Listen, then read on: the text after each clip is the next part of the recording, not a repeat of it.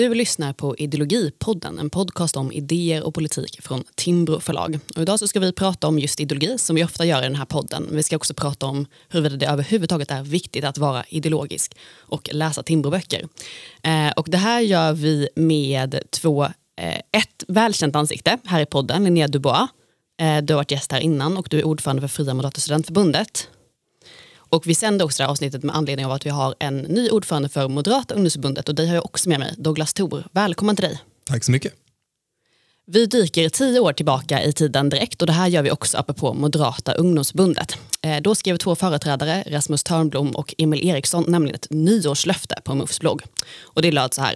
Vårt löfte blir därför att med mer kraft än idag utmana och bilda opinion mot de strukturer och system som både på arbetsmarknaden och i skolan håller unga människor tillbaka. Så långt ganska okontroversiellt. Men sen så skrev de att för vår del innebär detta färre grubblerier över vad döda gamla överklassgubbar från andra århundraden tyckte och tänkte. Oavsett om de var poeter, filosofer eller författare. Och redan när det begav sig så väckte det här mycket stark kritik. Eh, det här är då inför 2012, det är mitt under liksom den nymoderata eran. Eh, ideologi kanske inte är det som står högst i kurs liksom, inom borgerligheten eller det moderata samlingspartiet. Jag vet att jag har använt just det här citatet väldigt många gånger som en krok till varför det är viktigt att läsa till, till exempel vår klassikerserie. Vad, vad tänker ni när ni hör det här citatet? Är det viktigt? Ska vi släppa döda gamla grubblerier över överklassgubbar? Ja, men jag kan väl börja David. Och jag eh, förstår ju den här kritiken eh, i form av att eh, men ifall man fokuserar mycket på de problemen som kanske skrivs om i de här gamla böckerna så kanske det inte alltid blir så relevant för ja, men den målgrupp som man har som politiker, med väljarna eller som ett ungdomsförbund. Då, exempelvis elever ute på Sveriges skolor, vad de bryr sig om, vilka problem de upplever, deras verklighet, deras drömmar som de vill uppleva, eh, ja, eh, uppnå. Och Ifall man lägger mycket fokus på ideologi så tenderar man ju att hamna i frågor som inte alltid kanske berör dem och deras vardag som, som de tänker på. Ja, precis. För det är lite det här jag vill komma in på. Och Det är en fråga som jag har ställt flera gånger. Bland annat har vi uppmärksammat just eh, till exempel vår klassikerserie. Vi sysslar ju mycket med döda gamla överklassgubbar här på Timbro förlag. Eh, så att säga. Eh, men finns det en motsägelse i detta då? Går det inte att fokusera på realpolitik på samma gång som man lär sig någonting av de eh, ideologiska berättelserna och tolkningarna? Vad säger du Linnea? Det är väl precis det jag skulle säga. Att det här citatet är naturligtvis extremt tillspetsat. Det var kanske en del i poängen men det vittnar också om en ja, men svartvit syn på vad ett ungdomsförbund är till för, vad en, liksom, en politisk aktör är till för. Och jag tycker att det är synd att man gör den uppfattningen, inte minst eftersom det skapar sådana återverkningar i liksom, den, den borgerliga sfären. Nu, okej, nu stryker vi att tänka bara för att en tanke redan tänkts av någon för 300 år sedan. Jag tror absolut att man kan göra både att de ena, den ena verksamheten kan informera den andra på ett sätt som gör det politiska samtalet och den politiska verksamheten betydligt mer relevant och betydligt mer liksom, välrundad. Och jag, och jag förstår det när jag brukar säga att politiken den handlar ju, det är ju ideologi, eh, vetenskap och strategi. Alltså ifall du tar de delarna. Och den ideologiska biten, det som tror jag mycket är kritiken och som, eh, som jag kan dela i, i ganska hög mån är att ifall man, men ifall man sätter liksom att vara idéburen lite på ett altare inom politiken så riskerar det gå lite för långt och, och orsaka men att man man kanske ibland ser, som vi, som vi brukar anklaga många till vänstern att göra, att man har lite utopisk syn på liksom vilket idé det är, man, eh, vilken, ja, vilken typ av värde man vill ha, eh, vilka idéer som ska leda dit, så riskerar människor hamna ganska mycket i vägen för det. Eh, att eh, ja, men, så här, Det är så viktigt att vi ska uppnå nattväktarstat, att vad människor vill och vad människor i samhället, vad de försöker uppnå för drömmar och vad de behöver göra med sitt liv, vad de upplever för problem idag, det hamnar lite i skymundan och så tar man beslut som egentligen inte eh, är bra för människorna i samhället, utan som de inte vill ha. Absolut. Eh, det utopiska eh, kan ju vara livsfarligt. Eh, det måste man ha med sig även om man vill jobba med idéer. Samtidigt så tror jag att mycket av det man gör när man pratar ideologi är att närma sig ett värderingsspråk och gå tillbaka till liksom grunden. Och vi vill skapa ett bra samhälle. Vad är bra? Är frihet bra? Alltså, oavsett om man pratar om att formulera policy utifrån det man tror på eller att kommunicera mot väljare eller mot potentiella medlemmar eller så, där, så tror jag ändå just den värderingsbiten också resonerar med människor. Inte bara liksom, vi vill ha sänkt skatt och bra skola. Liksom. Jag tänker att vi ska gå tillbaka till bakgrunden lite innan ni får dyka in i den här debatten. För jag vill ge lyssnarna lite bakgrund till varför jag valde att bjuda in just er två. Och anledningen till att jag lite ad hoc drog upp det här tio år gamla citatet från Moderata ungdomsförbundets blogg. Och det var ju så, du är nytillträdd MUF-ordförande Douglas och när du kandiderade så sa du i en intervju i Expressen, tror jag det var, att du hellre skulle eh, sticka en SOU i händerna på en ny medlem än en Timbro-bok. Och det här gjorde ju oss ofantligt upprörda här på Timbro förlag som mm. tycker att det absolut viktigaste läsningen eh, går att återfinna i vår utgivning. Eh, du Linnea som ordförande för Studentförbundet kom ju från eh, ett mer ideologiskt orienterat borgerligt ungdomsförbund där vi har Ungdomsförbund ungdomsförbund. Studentförbund, men... förlåt mig. Eh, men om man, om man ska se det i mm, liksom, mm. vad Fria Moderata Studentförbundet representerar liksom, i borgerligheten mm. så är det ju eh, det kanske mest ideologiskt orienterade förbundet. Eh, man sysslar med saker som Guruhandboken, som är en Guruhandbok över döda gamla överklassgubbar och deras grubblerier till exempel. Och därför tänkte jag att det, det skulle vara intressant att ehm, helt enkelt bjuda in er två så att ni får prata lite om det här och det är ni redan i färd med. Men först Douglas, bara, det här citatet, mm. vad menar du egentligen? Varför skulle du hellre låta någon läsa en statlig utredning än mm. Hayek eller Friedman? Mm, och den första brasklappen jag ska lägga in för mig själv, så här, i eh, den artikeln så står det också att jag, att jag säger, jag hade, nog, hade någon frågat mig vad, de, alltså, vad, vad rekommendationen är att läsa så hade jag gett det. Jag läser båda, men så är, eh, hade, det är den rekommendationen jag hade gett. Um, och men mycket handlar tror jag om två saker. Det första det är ett romantiserande väldigt mycket av gamla idéer och gamla lösningar. Alltså De personerna som är stora ideologer, de är ju, ganska, de är ju stora för att de tänkte på dåtidens aktuella frågor. Alltså de satt ju och tänkte på hur man skulle lösa de problem som de såg på den tiden och det som diskuterades då. Där jag menar att alltså nutidens stora tänkare och som man borde studera är ju de som sitter och grubblar på våra aktuella frågor, våra eh, stora saker som vi har. Och Ett annat problem är väl också att man, när man lägger väldigt, alltså, man lägger väldigt stort värde i eh, ja, men ideologi på det sättet som eh, jag skulle dock, eh, ja, men ifall man utgår från att det, det görs i FMSF, eh, så blir det för, på mycket, emot mycket ett romantiserande av de gamla lösningarna eh, och de gamla idéerna. Eh, Medan jag menar att det finns ju ganska mycket som har kommit efter det som motbevisar mycket av dem. Så ifall man läser, jag har ju väldigt många, eh, till exempel Timbros klassiska serie hemma, ifall man läser dem, finns ju jättemycket idéer där som är spännande och som är bra för en slags intellektuell svärdfäktning och så vidare. Men mycket av dem har ju motbevisats i nu, nutiden, alltså många av dem var ju nationalekonomer, gamla ideologerna. Mycket av det har motbevisats av nutida nationalekonomi som empiriskt har testat idéerna och så vidare. Och då menar jag att man fastnar där. Och Sen tror jag ett problem också som eh, blir stort i diskussionen om ideologi, det är att men, från den punkten som jag står och som jag upplever många som kritiserar ideologi, så är lite ja, men ideologi i våran sfär, det är liksom lika med libertarianism. Alltså när man tänker renlärighet. Ja, liksom. liksom renlärighet, eh, alltså nattväktarstat, eh, Ayn Rand, alltså liksom ditåt. Eh, istället för att, ja, men, alltså när jag säger varför, varför, behöver man ideologi? Det handlar om att det ska finnas någon slags konsistens i ens tänkande. Eh, men det kan det ju finnas i ytterlitarist, det kan finnas i liksom, eh, alltså, många olika idévärldar, men eh, ifall man skulle tänka eh, sig utilitaristiskt, då skulle man nog bli anklagad för att inte vara ideologisk eh, renla, eller korrekt eh, inom äh, säg FMSF, skulle jag säga.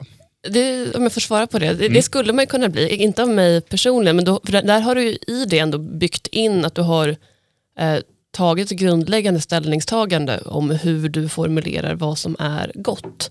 Eh, vad gäller nationalekonomer, där finns det väl till viss del eh, en så, men, aspekt av saker och ting blir daterade.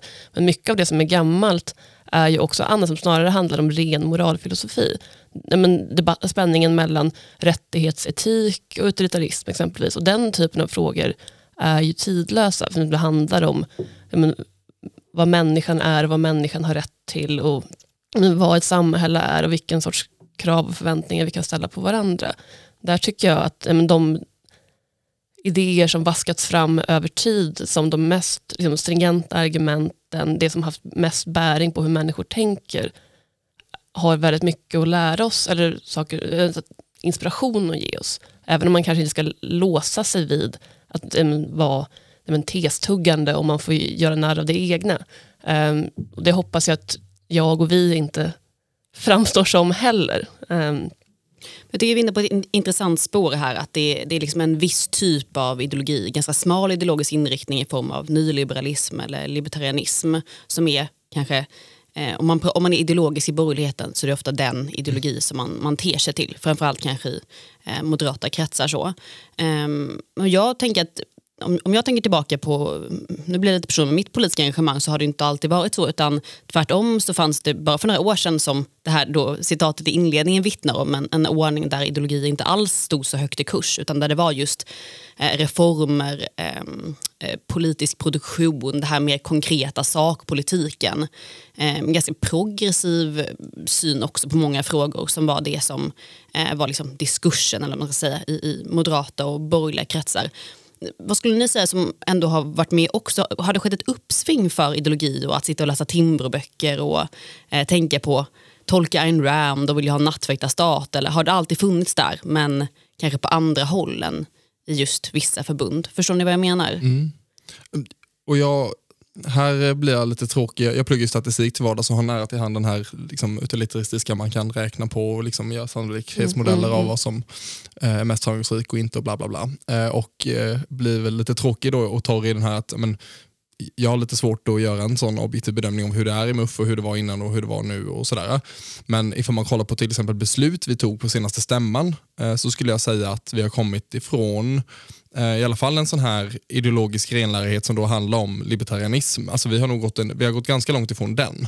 Um, så man är, den fraktionen är lite, mindre medan eh, i så fall konservatism och också annars eh, mer en svag socialliberalism, alltså lite det här som du pratade innan, det mer progressiva liberali alltså liberalism på det sättet, um, är de två som i så fall det, det, som man pendlar lite mellan. Ehm, Uttrycker sig kanske ett, menar, att vi tog beslut att eh, vara för anonyma vittnen.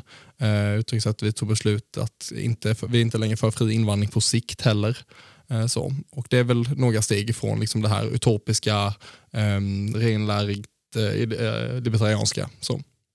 Eh, tittar man på den bredare unga borgerligheten ehm, så skulle jag ändå säga att det ideologiska intresset är stort och hyfsat liksom konsekvent över tid, i vart fall den tid jag kan överblicka själv. Sen är det olika koncentrerat i olika ungdomsförbund och olika sammanhang mellan dem över tid och sådär. Men det är väl ganska, ganska tydligt upplever jag att unga människor som kommer in i politiken på många håll gör det på, på grund av sig, jag menar, ett frihetspatos eller ett rättvisepatos. Och sen lär man sig överhand, efterhand mer om Liksom, sakpolitik och policyutveckling eh, och kanske går åt ett annat håll. Även om det såklart också finns de som aktiverar sig bara på grund av att de är upprörda över betygen eller vårdcentralen eller hitan ditan. Men jag skulle ändå säga att det finns där eh, som liksom grundton eh, och har gjort det länge. Mm. Och ett tillägg där, så, min upplevelse är att, eh, att eh, men svenska generellt och vår målgrupp är ganska om man, om man då gör ideologi till att, att vara med, men det här, som säger, får man frånkoppla diskussionen i det inom liksom princip, eh, alltså principer, eh, utilitarism lite sådär. Och mer att men folk ser nog ideologi lite som religiös dogmatism. Alltså mm. Det är verkligen, man utgår ifrån vissa gamla ståndpunkter, naturrätten och då också eh, självägarskapet och sen följer en lång rad konsekvenser om hur samhället ska vara utifrån de liksom, grundbultarna. Eh, och eh, och så är det de man går tillbaka till hela tiden på ett sätt som är ganska religiöst som jag upplever bland svenskar att man är ganska emot. Alltså vi är ganska sekulära, ganska, eh, att, alltså vi är ett väldigt eh, sekulärt land, eh, ateistiskt och så vidare. Så man gillar inte den typen av tänkande och det var ju en del i till exempel det som du tog upp med Nya Moderaterna man började alltså, prata, alltså pratade mindre om kanske frihet och, och sådär som, som mål och mer som medel. Och där känner jag mig väldigt hemma. Alltså, jag älskar frihet, men det jag älskar mest är att, alltså, människor. Alltså, mm. Och att människor ska ha det bra. Uh, ifall, ifall det skulle visa för mig väldigt tydligt att frihet skulle leda till något som är sämre än människor, uh, då skulle det ju vara något som jag uh, hade någonting emot. Men nu finns det väldigt, väldigt bra anledning för att visa att frihet är ett väldigt bra medel för att människor ska få det bra. Därför älskar jag frihet, för vad det gör liksom, mm. för människan. Um, och Det här är jättespännande, för jag kommer mm. från det andra hållet. För mm. mig är friheten målet. Jag tillhör väl de mer dogmatiska i det att men, jag är intresserad av vad som är rätt, jag kommer från det moralfilosofiska hållet och där blir sökandet efter vad som är rätt, vad människan har rätt till föregår väldigt mycket annat. Sen kan man såklart ge sig in i diskussioner om en praktisk politik och sådär också, vilket du behöver göra i större utsträckning än vad jag behöver. Och då ska man väl inte låta det bästa blir det godas fiende. Liksom en, en skattesats på 15% är väl okej, okay, även fast det rätta egentligen är noll. Liksom. Mm. Jag tänker att man, ja, jag vill sammanfatta bara era två positioner och jag vill göra det genom Timbros spetsutbildning Stureakademin. Eh, för det finns en, en, en, en god vän säga, som också varit med i den här podden eh, som jag gick Stureakademin med. Han heter Henrik Dahlgard. Eh, och han byggde hela sitt studiearbete på att försöka hitta Problemet om naturrätten är ju att den så att säga är gudgiven om man går tillbaka och talar med Locke. Då. Och det här blir då ett problem om man tror på negativa rättigheter men inte på Gud. Så Henrik ägnade sitt studiearbete åt att försöka hitta en sekulär grund för människans negativa rättigheter.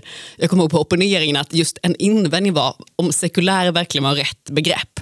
Och där har vi ju verkligen då liksom de ideologiska hårklyverierna. Man försöker liksom hitta sanningen andra hållet. Å andra sidan så finns det en, en föreläsning som återkommer på Stureakademin varje år Eh, också av en känd person från den här podden, Andreas Johansson Heine, där han brukar ställa frågan om vad som skulle få en att överge sin ideologi. Och det vittnar ju du om precis Douglas då. Att nej men okej, om det här visar sig väldigt tydligt svart på vitt så, så hade jag kunnat liksom överge det här. Jag tycker att det är två ganska olika skolor. Å ena sidan det här ganska, eh, då, det senare ganska empiriska, okej okay, vi kan se svart på vitt vad det är som funkar och då från din point of view Linnea eller Henriks att det är mer det här moralfilosofiska, okej okay, det här är rätt. Och om det finns någonting som vi inte förstår liksom lite på vägen, till exempel hur vi ska motivera de här rättigheterna utan Gud, ja, men då får man försöka undersöka det helt enkelt. Håller ni med om den beskrivningen? Mm. Ja. Och, och, och, och, och där jag gjorde en väldigt lång resa. Alltså, här, som sagt, som jag sa, jag läser båda därför att jag är väldigt intresserad av filosofi, jag är väldigt intresserad, jag läser väldigt mycket sånt. Och i det så jag känner jag att men det där ofta har det ganska lite med mitt politiska arbete att göra. Men jag fastnade väldigt mycket i det för att jag vill kunna bottna i politiken jag driver. Jag stör mig lite på när man Alltså, jag tycker många eh, som kan hamna inom borgerligheten säger att jag är libertarian, men sen när jag är i politiken, ja, då får man ju skita i det lite. Alltså, så här, då, eh, då får man vara pragmatisk. Och då är så här, okay, så du tror på någonting, men när du möter verkligheten, då vet du att då funkar det inte, så då måste du tycka någonting annat. Det där störde jag mig väldigt mycket på. Jag ville liksom bottna fullt i det jag tyckte. Um, och Då blev det en, uh, en resa där jag liksom fastnade i det här med att Eh, just den här punkten att men, de, här natur, de här grundläggande rättigheterna, var kommer de ifrån? Och då kommer man ju till mer liksom, postmoderna, poststrukturalistiska liksom, insikten att men, de, de, är inte sanna i sin grund. Alltså, de är ju godtyckliga, de finns, alltså, det är någonting som man har utgått ifrån och varför de fungerade väldigt bra, men, eller varför de till exempel ja, eh, varför liberalismen har gått väldigt starkt exempelvis är ju en typ av eh, men, eh, evolutionär funktion eh, en, enligt eh, det sätt som jag har att tänka. Eh, lite Fukuyama, det här slutet av historien, att men, liberalismen visade sig så stark som idé och som eh, funktion så att då eh, besegrade den de andra eh, ideologierna i världen eh, i mångt och mycket. Och det där är ju ett väldigt memetiskt sätt att se på hur saker och ting utvecklar sig.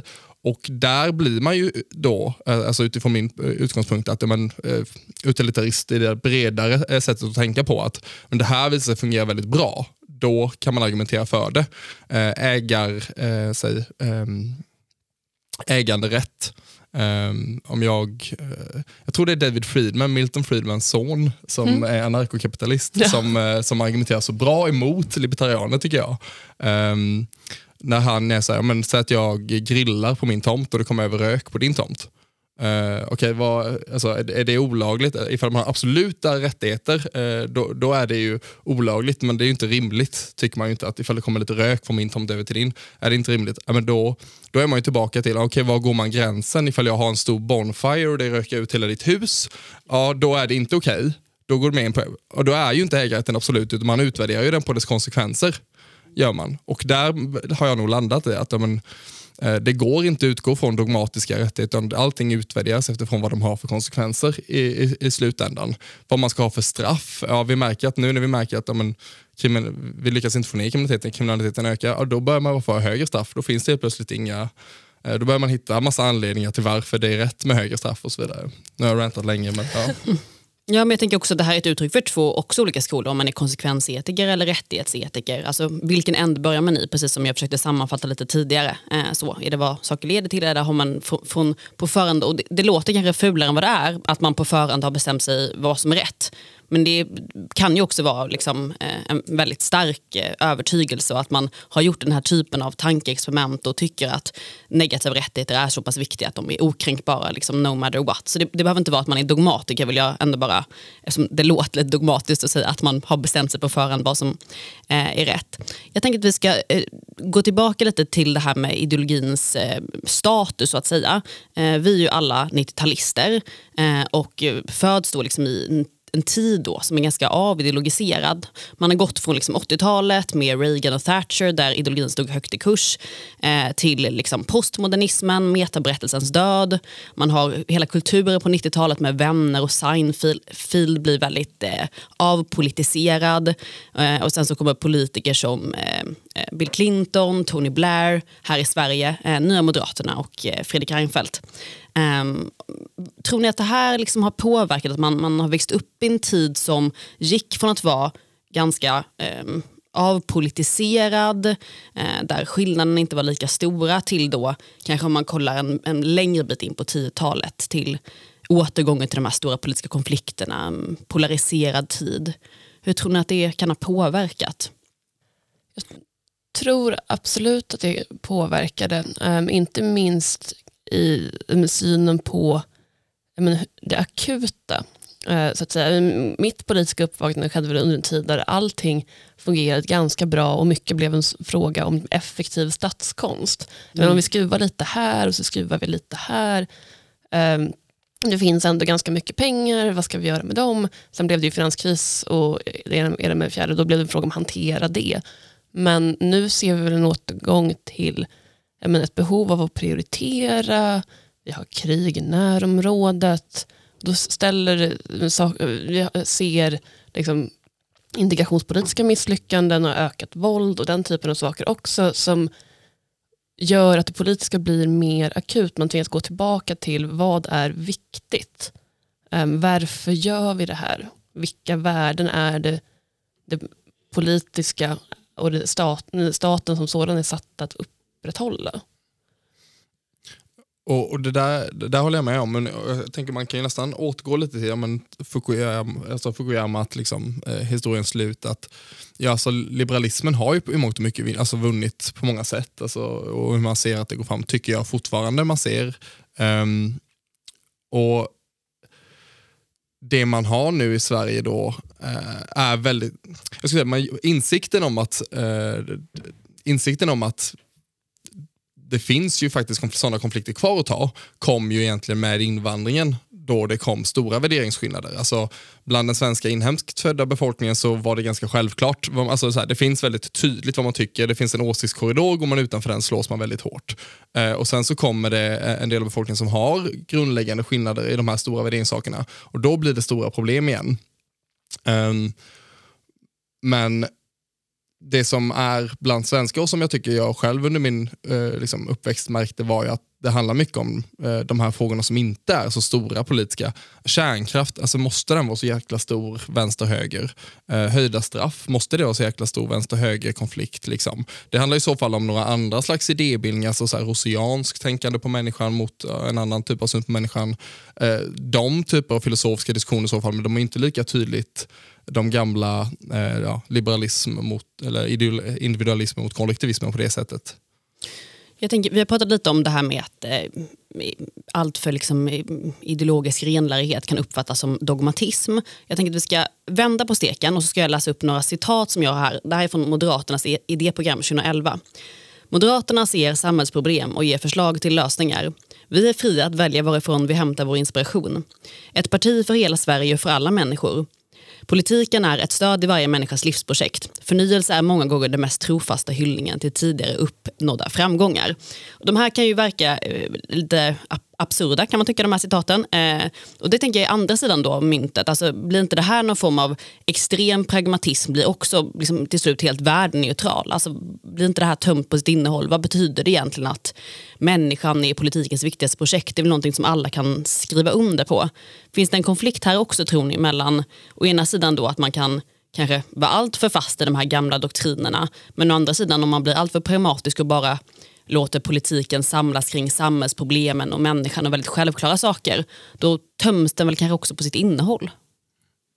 Mitt största problem med det där, som du men delvis är inne på, är att man kortsluter hela diskussionen om politikens roll, är liksom statens roll. Det där är det, men lite så nyspråkligt, vi ska göra allt för alla. Och det, alltså, vilja vara en bred samlande kraft i en demokrati är väl kanske inte helt dumt, men man har också helt lämnat den klassiska liberalkonservativa frågan om hur mycket kan staten göra för människan? Hur mycket kan staten gå in i människors liv för att lägga det till rätta?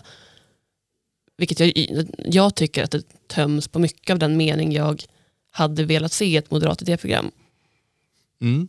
Jag, jag tror att man, man utgår ju väldigt mycket utifrån och som jag gärna hade sett mer av i politiken, och särskilt inom mitt eget parti. Man utgår väldigt mycket från hur, hur svensken tänker, tror jag det Alltså att svensken gillar vetenskapligt tänk och är liksom ingenjörstänkande. Alltså man brukar säga att svensken är bönder som blev ingenjörer. Liksom. Eh, och där man då ofta är så här, men det finns en lösning som gör det bättre. Eh, och vad som är bättre är ganska objektivt. Ehm, och det, det finns ju en ganska stark grund i att det finns objektiva saker som är bättre. Som ja, ett samhälle där alla människor behöver eh, liksom, eh, brinna i eld varannan dag är liksom objektivt sämre än ett samhälle där de eh, eh, inte behöver göra det eh, och har människor att umgås med. Och liksom så här, för att vi människor i vår essens har ju vissa behov och, och, och inte och så vidare. Eh, och, när, och där det liksom börjar ja, men, när man kommer till demokratin och vad politiken är till för är ju liksom okej, okay, men nu kan vi inte veta detta, vad som är det bättre framåt. Så då avgör vi det genom demokrati eh, och de olika eh, politiska partierna får ta fram olika förslag för vad som gör det bättre. Och i, i det programmet så, så lämnar man ju det verkligen öppet för sig själv här att men vi kan ta fram lösningar från alla håll för vad som faktiskt gör det bättre. Eh, och eh, Sen får ju väljarna bedöma utifrån ifall de tycker att detta är lösningen som gör det bättre för dem eller inte.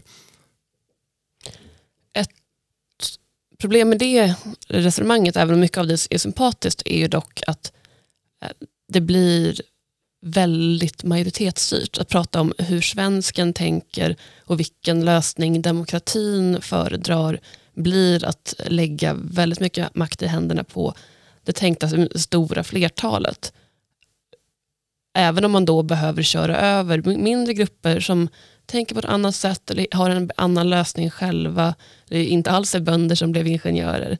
Eh, och den lilla gruppen, i förlängningen den minsta minoriteten, individen, tycker jag är minst lika viktig, eller viktigast att ta hänsyn till.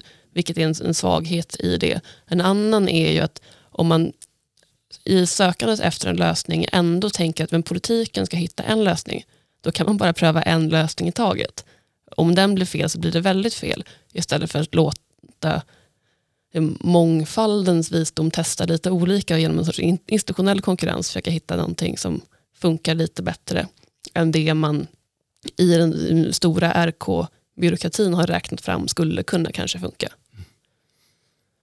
Ja, och alltså, jag tror att det som, är, det, det, som man ser i det fallet, eh, är ju, som är väldigt bra, är ju de rättigheter som man lyckas lägga eh, vad ska man säga, under demokratin, mänskliga rättigheter och så mm, vidare, mm. som ju är eh, jag vet jag brukar uh, utmana sådär, vadå? Uh, det, är principer som du, uh, alltså det är principer som du kan avvika från. Ja, alltså de principerna finns ju och, som, och fungerar så bra eftersom att de ger ett väldigt bra utfall oavsett hur liksom, demokratin röstar. Och det, på det sättet så blir de ju starka. Alltså de är ju medel för att människor ska få det bättre eh, och inte så mycket eh, målet i sig. Eh, i detta. Nej, precis, för jag tänker också på det du är inne på Linnea med liksom ett skydd från godtycklig maktutövning och så. Att det, det, finns ju också någonting vi har pratat mycket om i den här podden, alltså liberal demokrati som liksom den bästa demokratisynen som det finns, ska finnas liksom Eh, bromsklossar, checks and balances som man ibland kallar det för eh, godtyckligt politiskt maktutövande, i vissa fall ren ondska sanktionerad av politiken. En slags liksom Judith klar tradition kring rädslans liberalism och så. Eh, där det är viktigt att det finns de här liksom spärrarna så att säga inbyggda i institutionerna eh, i samhället. Eh, så. Eh, kan inte det vara liksom en, en, lösning på det här? Och sen så inom ramen för det kan man ha de här ingenjörslösningarna. Eller det är för naivt? Jag tycker väl att man har hamnat där. Alltså som sagt, vi har liksom liberal demokrati och den är väldigt stark. Jag vet det är några som lyfter att, eh, att den är hotad. Säger. Jag ser inte riktigt det alltså, i den månen. Jag tycker att eh, så for, fortsatt, eh, det är, väl, det är Pinker och Norberg och Rosling och vad de är. Så jag tycker det man ser är väl att det fortsätter åt det hållet. Varje gång tänker man att nu vänder det, men tar du det över lång tid så ser man att de här idéerna eh, trumfar och stärks. Eh, och det är klart, fungerar väldigt bra. Vi rör oss åt det hållet. Det skulle absolut finnas mer att göra. Um, men det, det, är absolut ett alternativ men det kräver ändå att så, ramarna finns. Mm. Jag tänker att en annan del i det här om man ska säga emot din syn lite Douglas, det är ju, eh, jag är i alla fall så stark anhängare av, man pratar ofta om polarisering idag som något e- entydigt dåligt. Och det är klart att det inte är bra med polarisering, det, så, det kan vi nog alla skriva under på. Men någonstans så drivs ju ändå eh, politikens livsluft är ju konflikt, alltså det måste finnas pluralism, det måste finnas motsättningar, man måste kunna ha den här fria debatten för att hela tiden så, eh, gå, drivas framåt. Det är ju liksom eh, idéernas konkurrens så att säga som är väldigt viktig. Jag tänker att om man bara ska ha eh, liksom ingenjörer och ekonomer och statsvetare i regeringskansliet som ska komma fram till de bästa lösningarna, då rör man sig mot snarare en teknokratisk ordning. Är det inte viktigt att man har de här liksom, eh, renodlade politiska och ideologiska konflikterna för att föra debatten och politiken framåt? Och, och Jag tycker man ska ha det, men jag tycker att den ska föras på samma sätt som debatter inom vetenskapen förs. Alltså, när vetenskapen har ju sina kontroverser också och liksom olika positioner i frågor. Men den utgår ju från att, ja okej, okay, då försöker vi hitta en metod för att avgöra eh, är det så eller är det, alltså, är det som du säger eller som jag säger? Man har en teori om att göra det här bättre och så testar man det eh, mot verkligheten. Eh, och så får man se eh, vilken som är bäst eh, exempelvis. Kan man göra det mer inom politiken, eh, vilket nog hade varit eftersträvansvärt tycker jag, att man mer kan visa att ja, men, eh, ja, nu har ju verkligheten visat till exempel på att eh, det hade varit bra att ha mer stabil eh, energiförsörjning ifall man vill ha ner elpriserna. Alltså sådana här saker kommer det ju fram till och då kan det vara så ja, ah, men vi har några värden som vi tycker är viktigare än det. Ja, då finns det partier man kan rösta på ifall man tycker att de värdena är viktigare. Men eh, några saker blir ganska svart på vitt tycker jag och där hade jag, jag hade gärna sett att mer av politiken kan samlas kring, men här har vi ett resultat, det går inte att säga emot. Um, Eh, nu utgår vi från de här resultaten och sen så har vi debatten om det som vi inte har färdiga svar på. Vad säger du om det Linnea? En gemensam metod för att hitta en rätt eller fel eh, förutsätter någonstans att man kan jämka samman väldigt olika uppfattningar till en gemensam metod där alla har respekt för utfallet. Där stöter man på problem dock med att olika ideologiska uppfattningar har olika sätt att mäta det här. Så här att hitta ett utvärderingssystem där en utilitarist och liksom en dygdetiker, säger det istället, då, kan komma överens om vad som visar utfall blir, blir väldigt, väldigt svårt. Sen är enskilda sakfrågor, sådär, ja, men, vilken energimix är mest stabil? Det är en frågeställning som är ganska lätt att få svar på. Men när vi hamnar i spänningar mer allmänt, individ kontra kollektivism. Så här, säg kvoterad föräldraförsäkring, bra eller dåligt? Ja, det beror på vilka liksom, parametrar man lägger i potten. Tycker man att det är viktigt med liksom, familjens och individens självbestämmande eller tycker man att det är viktigt att säkra ett jämställt uttag? Jag tänker på eh, lite det vi var inne på i början, nämligen det finns en motsättning mellan ideologi och realpolitik. Eh, en, en, gammal socialdemokratisk statsminister, Göran Persson, myntade begreppet att eh, politiken är den, den högsta formen av intellektuell verksamhet, tror jag han sa. Ehm, det är väldigt Göran Perssons så, så här i efterhand. Men jag tror inte att han syftade på eh, liksom, att läsa Myrdal eller Eh, socialistiska, socialdemokratiska ideologer utan han syftade på realpolitiken, just där jämka samman olika intressen, eh, den ekonomiska saneringen, alla de här svåra avvägningarna. Eh, och där tänker jag att det finns ändå ofta en föreställning om att det här med ideologi, de här svåra eh, tankeexperimenten om röken når någon annans tomt från mm. någons grill, att det skulle vara en, en högre, mer till sin natur filosofisk och därmed högre intellektuell verksamhet än att sitta och eh, få, få igenom en, en, budget som löser samhällsproblem i en kommun i Mellansverige. Eh, och som en fortsättning på det tänker jag att socialdemokrater i min upplevelse är egentligen mindre ideologiskt intresserade än unga borgerliga. Tror ni det har gjort att, liksom, ja, att borgerligheten har varit sämre på den här typen av mer liksom, eh, sakpolitiskt hantverk? Om vi nu ska prata om det som en motsättning. Jag, jag skulle säga att jag är av eh, den åsikten i mångt och mycket. Um, och med det sagt så tycker jag inte, alltså de vänner jag har inom SSU är ju inte mindre grundade i sina värderingar. Alltså det finns en skillnad på värderingar och sen ideologi tycker jag är det. Liksom. Um, men och jag, jag brukar säga att, eh, lite retsamt till mina eh, vänner som är libertarianer är ju att jag säger, men, är ert arbete slut, ni sätter liksom punkt för det där jag älskar de här idéerna så mycket, eller jag älskar friheten så mycket och att det ska bli på det sättet så mycket att jag vill också att det ska bli verklighet och är beredd att göra det arbetet för att det faktiskt sen ska bli någon skillnad. Ifall man fastnar här och har den politiska diskussionen där, ja, då har, alltså det har vi sett. Vårt parti har ju, Moderaterna har lagt mycket energi på att vara ganska idé, eh, väldigt idéburna och så vidare. Och det gav inte jättemycket frukt i befolkningen. Däremot när vi gick med den här pragmatiska vägen, då nådde vi 36 procent i opinionen och över 30 procent i ett val. Då kunde man göra verklighet av det. An, ja, den liknelsen som man brukar göra är ju att men 2002 då drev vi eh, skattesänkningar för 130 miljarder eh, och fick 15 procent i valet. Eh, och Sen så minskade man liksom ambitioner och tog små, små steg istället. Och totalt över åtta år med Alliansen och Nya Moderaterna så sänkte man skatten 135 miljarder, men genom jobbskatteavdrag istället för så som det var innan. Eh, så man lyckades ju göra mer genom den pragmatiska inriktningen. Att vara lite mer som du säger att Socialdemokraterna kanske har i sitt, att mindre fokus på att vara eh, alltså, renlärig idémässigt och mer fokus på att vara pragmatisk, få fram sak, sak, eh, sakfrågor så man kan vinna valen och sen faktiskt förändra sam, eh, samhället och landet åt det hållet som man kommer ifrån. Samtidigt som man 91 drev frihet, valfrihet och egenmakt och lyckades nå framgång på det och lyckades sjösätta ganska stora liksom, systemskiften. Jag skulle vilja säga att vi behöver båda. Um, den borgerliga sfären, eh, Moderaterna i spetsen, har kanske haft mer idéfokus om man ser de senaste 50 åren eller sådär, men av och till. Det tror jag också till viss del handlar om att man många gånger varit i opposition och man mm. därför prioriterat en alternativ liksom, verklighetsbeskrivning, en annan berättelse om vilket samhälle som är möjligt, med att man har haft färre personer som har övats i konkret policyhantverk.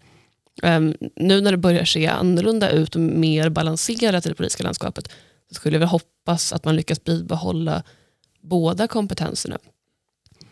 Um, jag tänker mycket på Nya Moderaterna-åren som en parentes och det var då jag själv blev politiskt engagerad och det var ett starkt fokus på det här med eh, reformer och det politiska hantverket, eh, sakfrågorna och så, stod mycket i centrum. Det var kanske inte eh, lika mycket energi som lades på ideologiska hårklyverier. Um, jag fick en tes lanserad för mig som jag tyckte var intressant som var så att väldigt många moderater som eh, då var vana vid att vara opposition, kanske hade liksom sitt politiska uppvaknande engagemang på 80 och 90-talet, de är fixerade vid den borgerliga sfären och ledarsidor. Och så, så finns det liksom en, en lucka då som är jätteintresserade, eh, som är kanske är födda sent 80-tal, tidigt 90-tal, eh, som bara ville syssla med lokalpolitik och alla stjärnskott gick och blev kommunalråd istället för att sitta och tänka och skriva böcker. Och sen så eh, där liksom kanske kanske vår generation tar vid, lite mer sent 90-tal, då sker det stora uppsvinget för ledarskribenterna igen. Det är ledarskribenterna och ledarsidorna som är tidigt ute i migrationsfrågan, skjuter partierna framför sig. Um, är det så att vi liksom har en återgång till det här att vi blir mer intresserade av politiken utanför partierna medan det finns en lucka där, där man var mer partiinterna, ville syssla mer med det politiska genomförandet som vi varit inne på. Jag tänker bara om jag ska utgå från mig själv så var jag aldrig intresserad av att ge mig in i lokalpolitiken men jag var intresserad av att bli ledarskribent. Ligger det något i den här tesen? Oj, vilken svår fråga och vilken stor fråga. Ja. Um, finns väl absolut ett intresse för liksom, ledarskribenteriet som ett mer lättillgängligt individuellt uttryck i vår individualistiska tid och så vidare. Men framförallt så har väl den politiska sfären blivit bredare. Det finns väldigt många olika sätt att aktivera sig. Det ser man ju alltså, på andra sidan också. Att du har miljörörelser och rättviserörelser utanför partikulturen och så vidare. Så det är inte ett renodlat borgerligt problem. Jag eller? tänker också kring då min egen fråga om jag ska svara på det, men att det ligger någonting i vad uppfattar man att makten finns? Och det var ju det tycker jag som är det intressanta skiftet här. Mm. Alltså från mm. då Nya Moderaterna-åren där eh, man tog makten inte bara på, på nationellt plan utan också lokalt på många håll. 2006 så går man och vinner Sundbyberg, en klassisk arbetarkommun, och även på många andra ställen. Att inflytandet, det är uppenbart att det finns i partiet, i de eh, tydligt liksom, folkvalda politiska positionerna på lokal, regional och nationell nivå. Men sen när den här stora eh, omprövningen, framförallt om migrationsfrågan men även på andra områden sker kring 2015, då har Nya Moderaterna precis förlorat ett val och man uppfattar kanske snarare att makten finns mer bland opinionsbildare. Mm. Att det är de som drev partierna framför sig eh, i, i den här förändringen. Det kanske kan vara... Mm. Nej, men det, det, det låter som en klok spaning. Jag, eh, jag, jag har nog ganska, jag har, jag har, inte mycket att bidra till i det. Jag bara, en tanke som jag hade var just det här med att ledarsidorna var de som liksom var före i omläggningen i migrationspolitiken. Och det visar väl också det som eh, men, min och fleras tes om varför var, vad Nya Moderaterna fastnade i. Det var när man gick tillbaka till det gamla eh, dogmatiska då. Alltså att man var ju helt låst i migrationsfrågan. Alltså hela Nya Moderaterna-projektet var att man skulle upp på tå och kunna förändra sig och kunna se liksom pragmatiskt på frågor och så vidare och anpassa sig efter eh, men hur man skulle kunna hjälpa fler människor att uppnå vad de vill och så vidare. Eh, och så fastnade man istället för att stå helt fast eh, och blev liksom pressad åt sidan i en fråga av ledarsidor med flera eh, opinionen. Just det, man såg, det som var det nya, nya moderata projektet var att man skulle se verkligheten och kunna ändra sig utifrån den. Mm. Men i en fråga gjorde man inte det. Och det blev ens död. Ja, precis. Eh, vad tänker ni nu då? Om vi tar min tes om att eh, sitta i opposition, var finns makten? Nu har man en moderat statsminister igen. Hur tror ni det kommer påverka? Eh, kommer det bli mer populärt att vilja ge sig tillbaka in i partierna och liksom, de politiska rollerna? Om man ska hålla sig stringent till din teori där så Eh, är det ju väldigt intressant hur det ser ut i landet nu, där vi har förlorat många regioner eh, i Moderaterna och till höger. Eh, många kommuner som vi annars har starka i, vi är väldigt svaga i, vi blir väldigt starka i andra kommuner och sådär. Eh, så frågan är vart engagemanget kommer att gå då ifall det till exempel är var makten finns som man eh, letar efter. Då skulle det bli ganska många som vill in i den nationella politiken förmodligen. Eh, jag hoppas ju att vi ser det. Jag har ju eh, pratat om att vi i Moderata ungdomsförbundet ska ha självbilden och bete oss lite som att vi är ett femte parti i regeringsunderlaget där vi menar att till medlemmar så är vi större än eh, Liberalerna och eh, hur många som röstade, hur många unga som röstade på Moderaterna, det var fler än vad totalt från befolkningen som röstade på Kristdemokraterna. Och då menar vi att i och med att vi i MUF var med och vann det här valet så ska vi ha inflytande i förhållande till det och då hoppas jag att ja, då krävs mycket ansvar att vi blir bra politiker, riktiga politiker i ungdomsförbundet och kan driva riktig politik från ungdomsförbundets håll och det eh, är ju vår ambition framåt. Linnea, vad tänker du med studentförbundet, denna härliga ständiga opposition? Vad, vad är er roll de här kommande fyra åren? Ja, det, du sa det väl själv, det är den ständiga oppositionen. Eh, vi har ju en allmänborgerlig representation på ett annat sätt. Eh, inga ombud på partistämman på det sätt som Douglas behöver ta ansvar för. Och det påverkar ju rollen. Nu är givet de missar man gjorde, inte minst eh, under alliansperioden, så tror jag att det är viktigt att bibehålla eh, flera olika tänkande instanser samtidigt, där det finns utrymme för att spela djävulens advokat mot det ena eller det fjärde, men säga men kom ihåg den här principen eller rent av vänta det här verkar inte funka. Eh, ni kanske skulle testa någonting annat. Eh, vi har ett alternativt förslag. Om man skulle göra så här istället så kunde det kanske fungera. Istället för den, liksom, som det lätt blir, blinda lojaliteten till att men nu är det vi som har makten. Nu ska vi alla ta i hand och genomföra en och samma sak. Så det är väl vår roll mer att vara lite kritiska lite utifrån och påminna om det långsiktiga målet. Och, och, det, och det där vill jag verkligen eh, kunna ta efter från er, alltså det här modet som finns i att våga formulera någon slags eh, utopi. Ja, eh, inte utopi i sättet av liksom hur hela samhället ska vara, men så, alltså en typ av kortsiktig liksom, liten utopi. Utbildningssystemet, så här borde det se ut. Liksom, och våga eh, tänka det eh, även när vi styr och då eh, sen gå tillbaka till, ja, och då krävs det ett stort reformarbete. Då är det för arbetet, liksom, så borde det se ut och sen så ska man göra verklighet av det. Alltså älska, älska det så mycket att man gör det stora arbete som krävs för att det ska gå igenom också. Mm. I den bästa av världar kanske vi kan säga så att vi formulerar en idé långt bortåt helvete, mm. ni får den, ni producerar policy och ni skickar inte parti som genomför. Vi kommer inte driva och privatisera vatten. Jag har, precis, jag har ställt frågan, jag har ställt frågan var, var den riktiga makten finns och den sitter mitt emot mig visar det sig. Hörrni, vi ska snart börja avrunda men jag läste en intressant text apropå då både ledarskribenter och eh, pragmatism. Den var skriven av Ivar Arpi eh, och han skriver att högern måste byta strategi. Och det han syftade på var då att eh, vänstern, den här klassiska idén om att vänstern har liksom infiltrerat och framförallt kanske kultursektorn men också andra institutioner i samhället. Man pratar ibland om kommandohöjderna till exempel och så. Och han menade att nej men nu är det nog dags att vi det här med armlängds avstånd, att man inte ska politisera saker, utan vi måste ge gent med samma mynt, annars så ger vi vänstern carte blanche. Vad säger ni om det här? Måste högern byta strategi? Tror ni att det här är något som tilltalar unga borgerliga eller är han ute och cyklar? Jag blir mörkrädd. Ehm, men centralt för den där frågan är vilka man menar när man säger vi.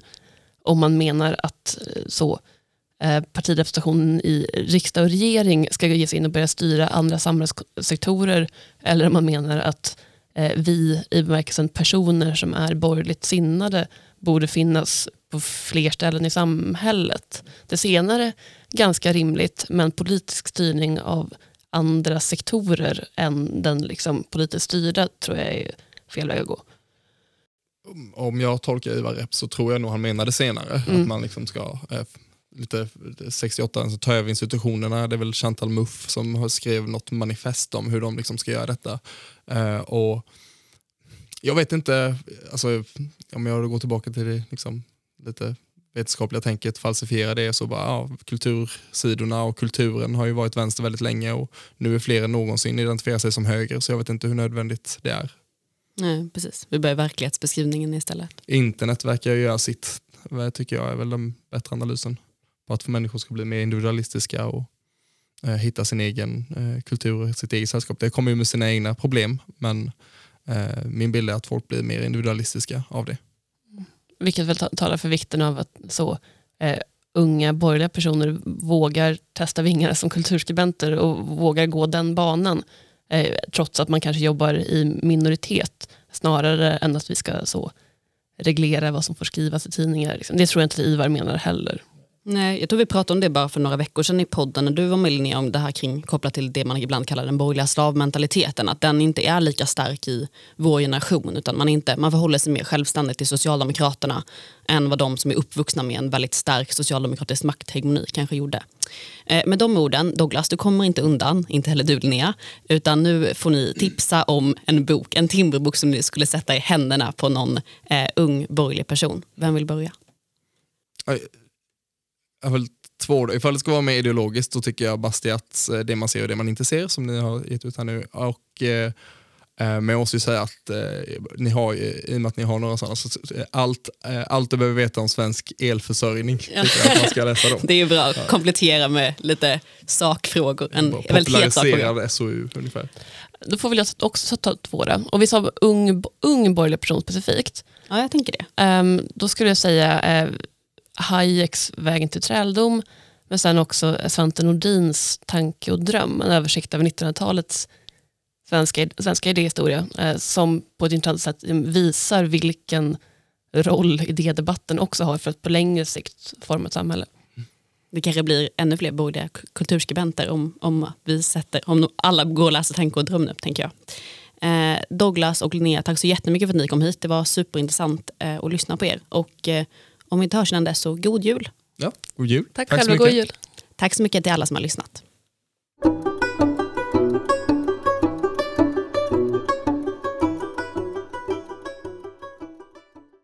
Du har lyssnat på Ideologipodden, en produktion från Timbro förlag och Timbro presenterar. Inspelning och redigering av Johan Skugge, musik av Anders Meisner, Chilla Gorilla.